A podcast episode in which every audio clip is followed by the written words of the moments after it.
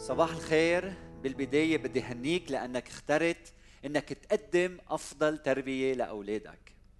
أنا سمعت هذا الأسبوع من أم أنه بنتها يلي عمرها حوالي 12 سنة محمسة على هيدي السلسلة أكثر من أهلها وقالت لي البنت أنه هدفها أنها تساعد أهلها يربوها صح. منتابع هيدي السلسلة حول التربية ورح نبدأ بيلي شددنا عليه الأسبوع الماضي هو أنه هدف التربية أن يتمجد الله من خلال مشاركة الحياة مع أولادنا بطريقة بتعكس طبيعة الله وصفاته وبتجذب أولادنا إلى الإيمان به وإلى الطاعة لوصاياه. هالوصايا يلي تلخص اولا بمحبة الله من كل القلب والفكر والشخصية وبتنعكس ثانيا خدمة محبة لكل شخص بهذا العالم. وهيك بتتشكل صورة الله الحقيقية على هالأرض من خلالنا. وهيك بيتجلى ملكوت الله بيننا من خلال عائلاتنا. سئلت سؤال يلي بحب إني جاوب عنه اليوم بالبداية هو هيدا.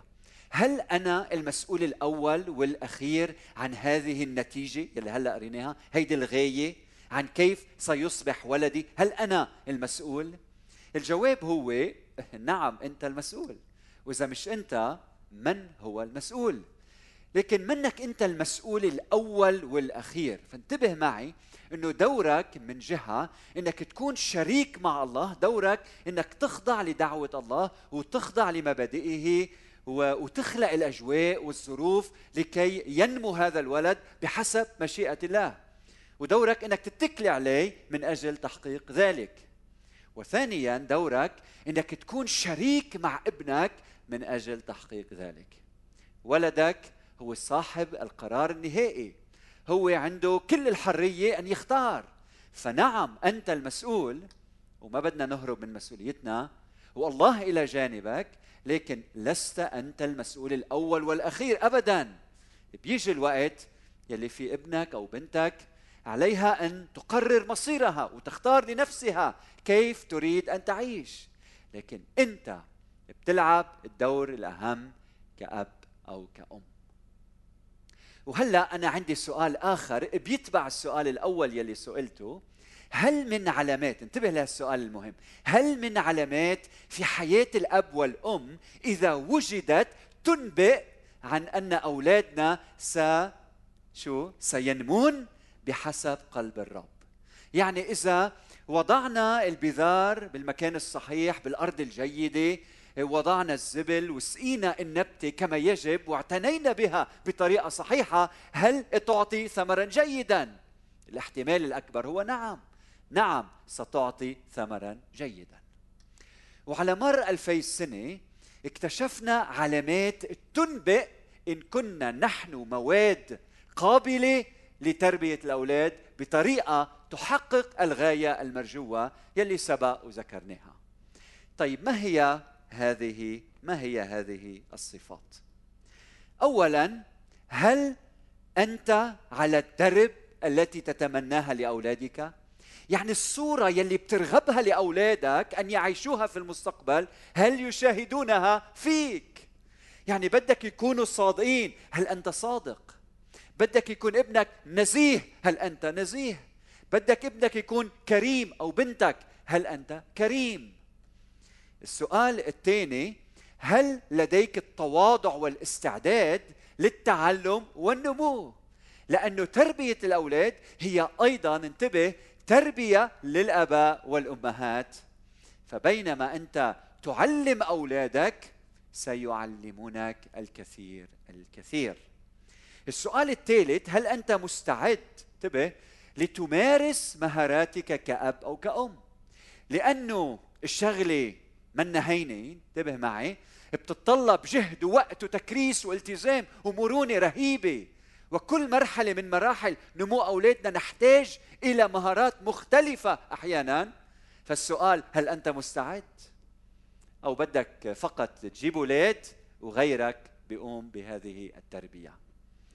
سؤال آخر هل أنت مستعد أن ترتبط عاطفيا بكل ولد من أولادك بحسب كل مرحلة من مراحل حياتهم. انتبه لكل كلمة وبالطريقة الدافئة والمعبرة. لأنه من دون هالارتباط لا تأمل خيرا أبدا. والسؤال الخامس هل أنت مستعد لاستخدام السلطة بطريقة مناسبة ومقدسة؟ أو شو؟ مين صاحب الكلمة الأخيرة بالبيت؟ الولد يلي عمره ثلاث سنوات يلي ما حدا بيقدر عليه أم أنت؟ والسؤال السادس والأخير هل أنت مستعد للتضحية من أجل تشكيل أولاد يعكسون صورة الله؟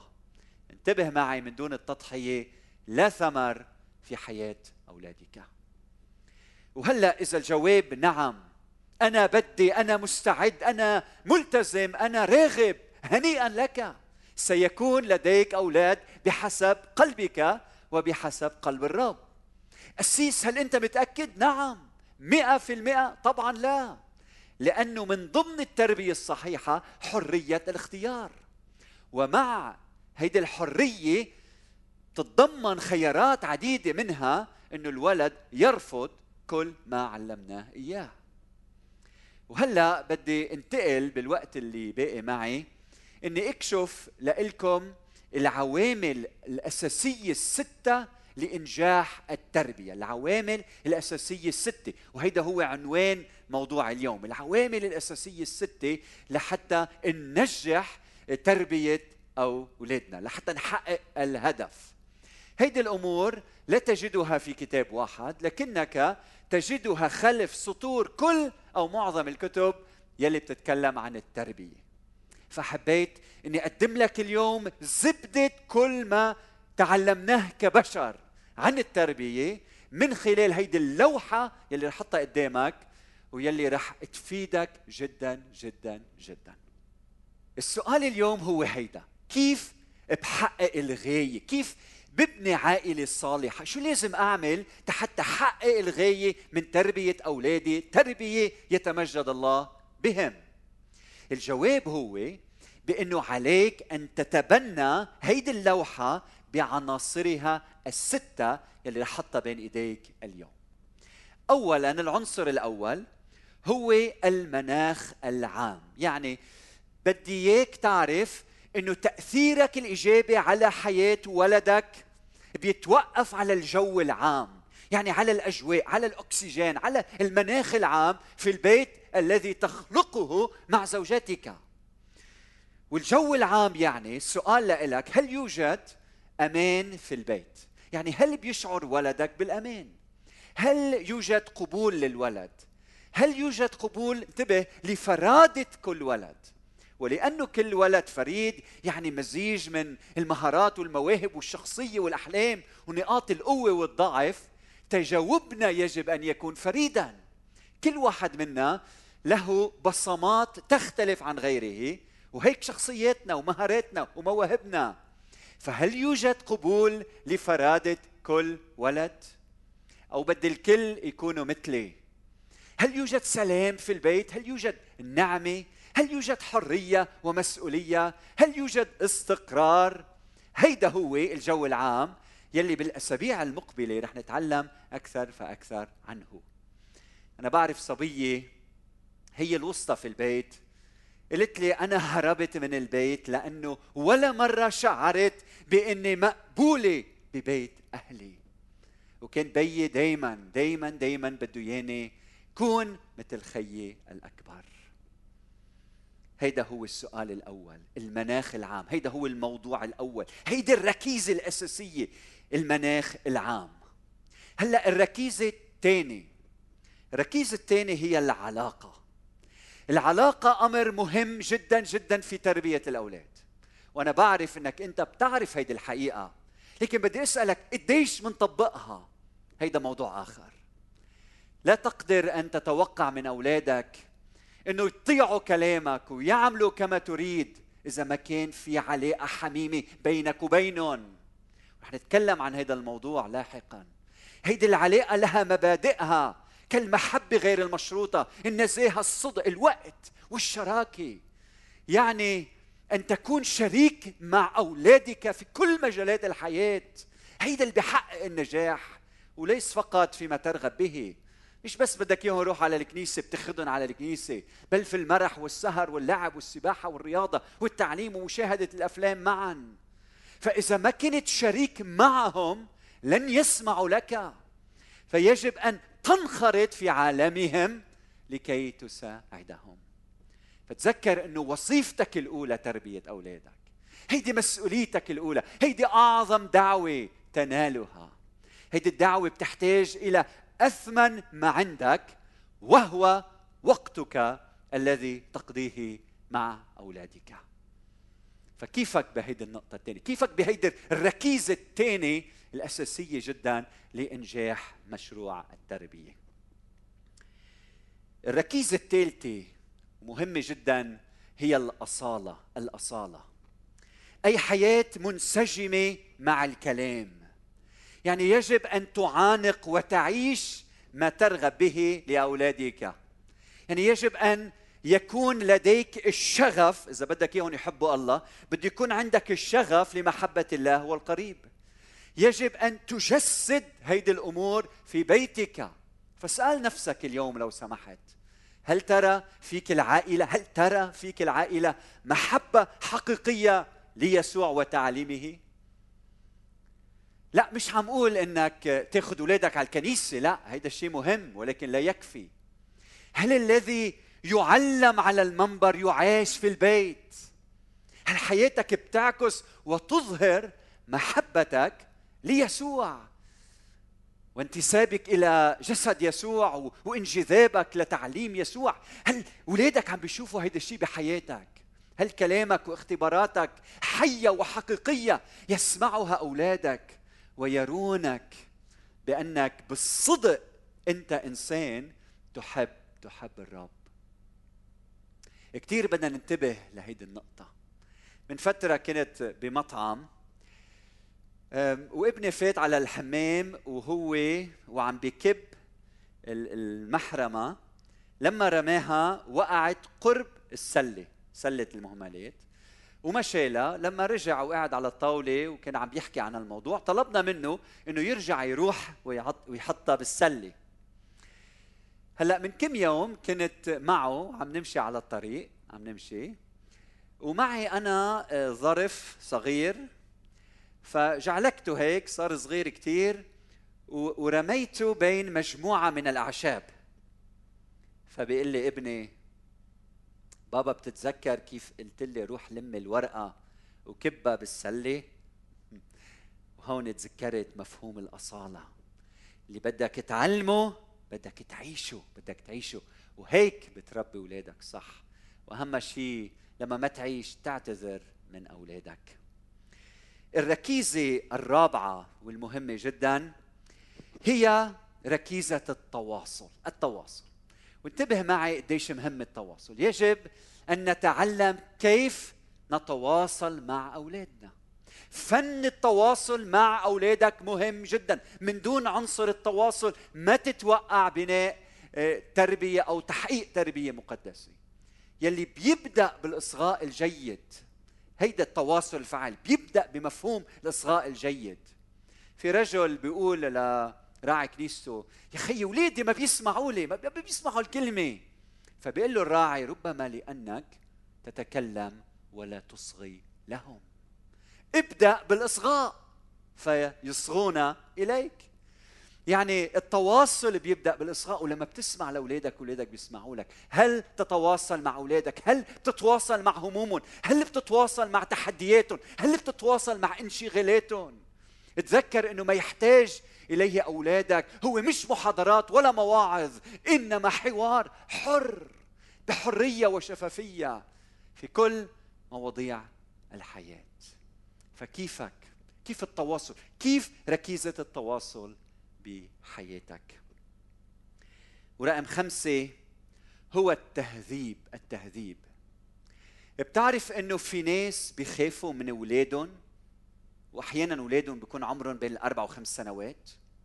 فبدنا نتعلم كيف نوجه ونهذب ونأدب أولادنا في المحبة. والتهذيب له علاقة بطريقة أو بالطريقة الصحيحة في استخدام السلطة. فلازم يكون في قيم أساسية لا نساوم عليها بالبيت الواحد. على سبيل المثال فكر بالصدق فكر بالمحبة فكر باللطف بالأصالة اللي حكينا عنها بالتشجيع بالرحمة بالانضباط بالتعاطف بضبط النفس بالصبر بالالتزام بالتواضع بالنضج بالعطاء بالفرح بالعدالة بالمثابرة بالإخلاص بالإبداع. كل هيدي أمور جوهرية. اولادنا اولادنا بيحتاجوا لهيدي الأمور. الأولاد أولاد والدراسات تؤكد إنه الأولاد لا يقدرون أن يتعلموا بطريقة صحيحة مع حريه دون ضوابط وحدود. فالمطلوب وضع قواعد ثابتة وتطبيقها باستمرار. وإذا نحن أخطأنا بنعتذر من أولادنا لكن هيدي الضوابط ضرورية جدا في تربية أولادنا وإن شاء الله بنتعلم عن هيدي الأمور أكثر بالأسابيع المقبلة. الركيزة السادسة والأساسية جدا هي وجهة السير وجهة السير. يعني يجب أن يكون لديك خطة هادفة لتصل إلى ما تريد أن تصل إليه. أول ما بتطلع بالتاكسي بيسألك لوين واصل حضرتك؟ إذا بتبقى ساكت بتبقى في مكانك. وإذا ما بتقول وين رايح لن تصل والأب المثالي يبقي عينيه مركزة على الهدف وطريقة الوصول إليه في كل مرحلة من مراحل حياة الطفل. بركز على المعلومات التي يجب أن يعرفها الطفل لكي يصل إلى تحقيق الغاية من وجوده. على المهارات يلي بيحتاج إليها على السلوكيات على القيم على المبادئ على العقائد. أخوتي بدنا إنه الإيمان بيسوع يندمج في كل ناحية من نواحي حياتنا جزء من كل شيء وغاية كل شيء.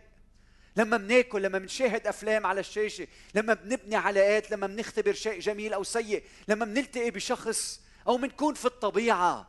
إذا الهدف أمامنا يلي مش هو التدين والتعصب بل علاقة حب مع الخالق والإنسان نستخدم كل هيدي الظروف والاختبارات حتى نرسخ هيدي القيم في حياة أولادنا.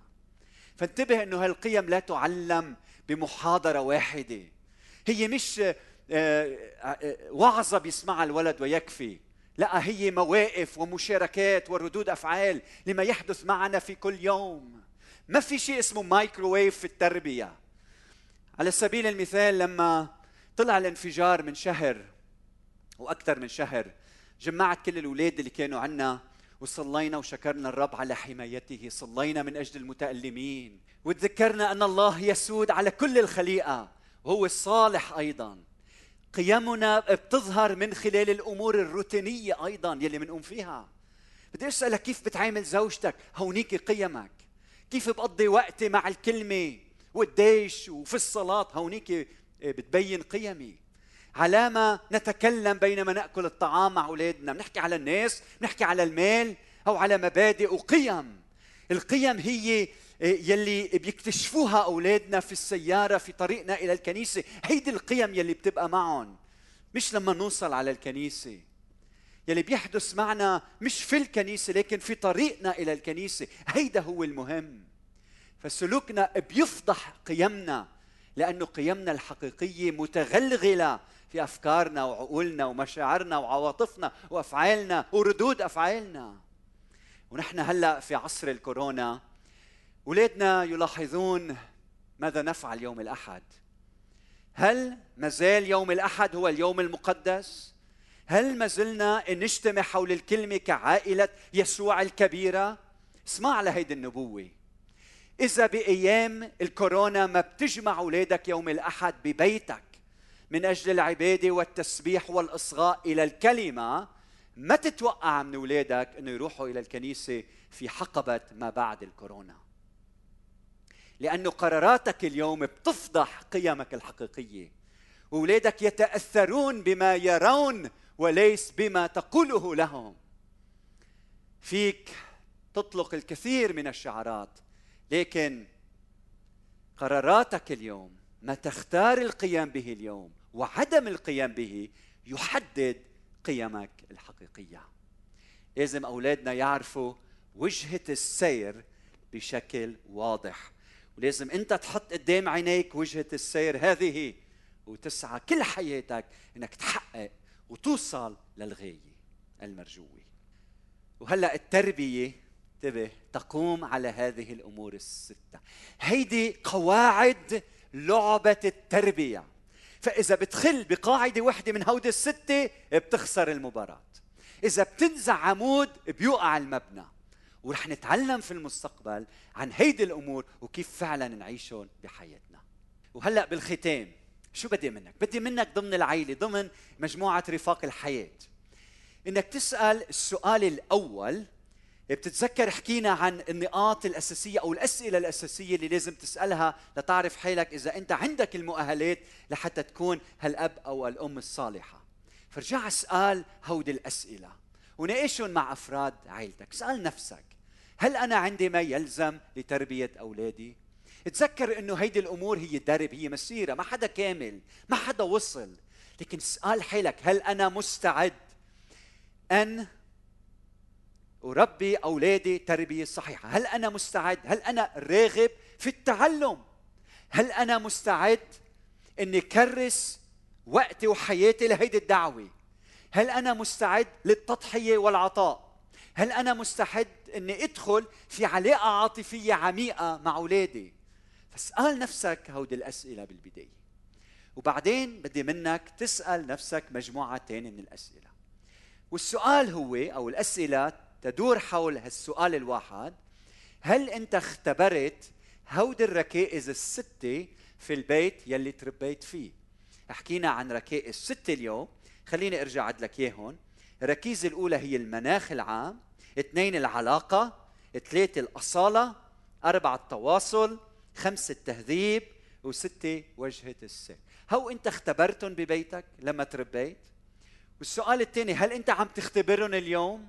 وين نقاط قوتك وين نقاط ضعفك وتذكر بالختام إنه وظيفتك الأولى ودعوتك الأولى كأب أو كأم إنك تربي أولادك بحسب مشيئة الله. تذكر إنه تربية الأولاد ليست مسؤولية الكنيسة يلي بتنتمي لها ولا المدرسة يلي بتروح عليها أو بيروحوا عليها أولادك. تربية الأولاد اولا واخرا مسؤوليتك أنت. هي أعظم دعوة بتنالها إن شاء الله أن يكون لك أولاد. فبدي إياك تتحمل المسؤولية اليوم وتتكل على الرب. الكنيسة مش هي يلي بتقود عملية تربية الأولاد هي تسهم تساعد وتوجه. لكن أنت يجب أن تتحمل كامل المسؤولية في تربية أولادك ونموهم. إياك تظن أن العالم وشرور العالم أقوى منك. إياك أنك تستسلم لمغريات العالم يلي تقدم لأولادك. وإياك تقول العالم أقوى مني. أبدا. قبل العالم ابدأ أنت. ابدأ بزرع القيم قبل أن يدخل العالم إلى حياتهم. وعندك إله صدقني يقف إلى جانبك. وبدي أسألك هل بين السماوي يبارك هيدي الركائز الستة يلي حطيتها قدامك؟ أليس هو الذي خلق عالم النعمة والرحمة وبيقبلنا كما نحن هو يلي بيعرف فرادة كل واحد منا فرادتك وفرادة أولادك مش هو يلي عنده طريقة خاصة في التعامل مع كل واحد منا. أليس هو يلي بادر ودخل في علاقة مع الإنسان الخاطئ. مش هو المجرب في كل شيء ما عدا الخطيئة. مش هو عاش عالمنا وحس بمعاناتنا. أليس هو الذي كل ما قاله لنا فعله أولا. تأمل حياة يسوع. هل يسوع تواصل معنا بطريقة فعالة؟ الله بعدما كلم الآباء بالأنبياء قديما كلمنا في هذه الأيام الأخيرة بابنه. مش هو يلي بيتواصل معنا بالكلمة بابنه يسوع المسيح وبالكلمة المقدسة؟ اتامل بحياة يسوع. أليس أن لديه مشروع مبارك لنا وهادف؟ مش هو أيضا بيقدمنا بمحبته لما منتمرد لكي نتعلم وننمو هو البابا الحقيقي. ونحن أولاده. وهيدي المبادئ يلي قدمت لك إياها. هي من عنده أساسا. ونسعى في تطبيقها في حياتنا. منتابع الأسبوع المقبل بإذن الله. ختام إذا أنت شخص عم تسمع وعم تشعر كأب أو كأم إنك أنت بحاجة بحاجة لدعم ولقوة ولعلاج انت بحاجة للشفاء من الخطية. انت مش قادر تربي اولادك صح بناء على هالركائز الستة لأنه في مشكلة بحياتك في ضعف في خطية. بدي أدعيك بآخر هيدي العظة أنت اللي عم تسمعني إنك تجي وتعطي حياتك ليسوع. تجي وتقول له يا رب أنا عاجز أنا مش قادر أنا بدي توب قدامك. ليس بالقدرة ولا بالقوة بل بروحي. قال رب الجنود بدي إياك تجي وتعطي حياتك ليسوع. بهيدا الوقت يسوع إجا ياخذ عنك الضعف. والخطية والتمرد. اجا لحتى يحولك لتصير أنت أب أنت أم صالحة. تعال عنده تعال اتكلي عليه. ما حدا قال التربية أمر سهل أمر صعب جدا. من هيك نحتاج إليه لأنه هو إله المستحيلات. بدي صلي من أجلك هلأ غمض عينيك معي. قل له يا رب إلهنا أنا جاي أحط حياتي بين إيديك جاي أقول لك يا رب أنا بدي أنا أريد أنا مستعد أنا جاهز يا رب. أنا حياتي بين ايديك يا رب ساعدني كون الأب والأم. عيش حياة مقدسة كون هالأهل. عيش حياة نموذجية يا رب.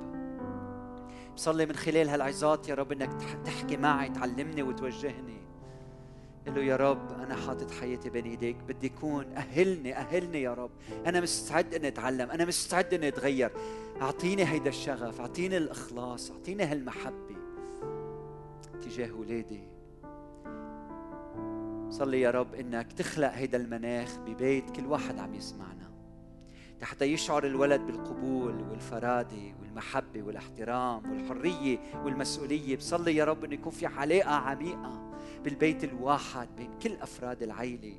بصلي يا رب من أجل أن تكون حياتنا عم تعكس كلامنا في كل تصرف في كل موقف بكل تعليم بنقدمه يا رب. خلينا نعيش ما نقول ساعدنا يا رب ساعدنا نمتحن نفوسنا ما نطلع بغيرنا وندين غيرنا. ساعدنا ننضج حتى نصير نشوف نحن ضعفاتنا ونتكلي عليك في التغيير. نصلي يا رب إنك تعطينا تواصل فعال تواصل. نعيش حياة فيها تواصل عميق مع الآخر. علمنا كيف نفهم لعالم أولادنا أعطينا يا رب نعيش حياة ترضيك. ساعدنا نستخدم السلطة بطريقة صحيحة ونهذب أولادنا بحسب مشيئتك وإرادتك. أعطينا نضلنا عينينا على وجهة السير. لوين يا رب متوجهين؟ للخطة النهائية للغاية يلي ذكرناها في البداية. نعم الغاية يلي هي أنك أنت تتمجد. من خلال مشاركة الحياة مع أولادنا بدنا يا رب طبيعتك وصفاتك تتجلى بيناتنا. بدنا أولادنا ينجذبوا للإيمان ويطيعوا وصاياك ويعيشوا المحبة محبة الله ومحبة القريب. شكل هالصورة فينا من جديد. وتجلى أنت بملكوتك في وسطنا باسم المسيح.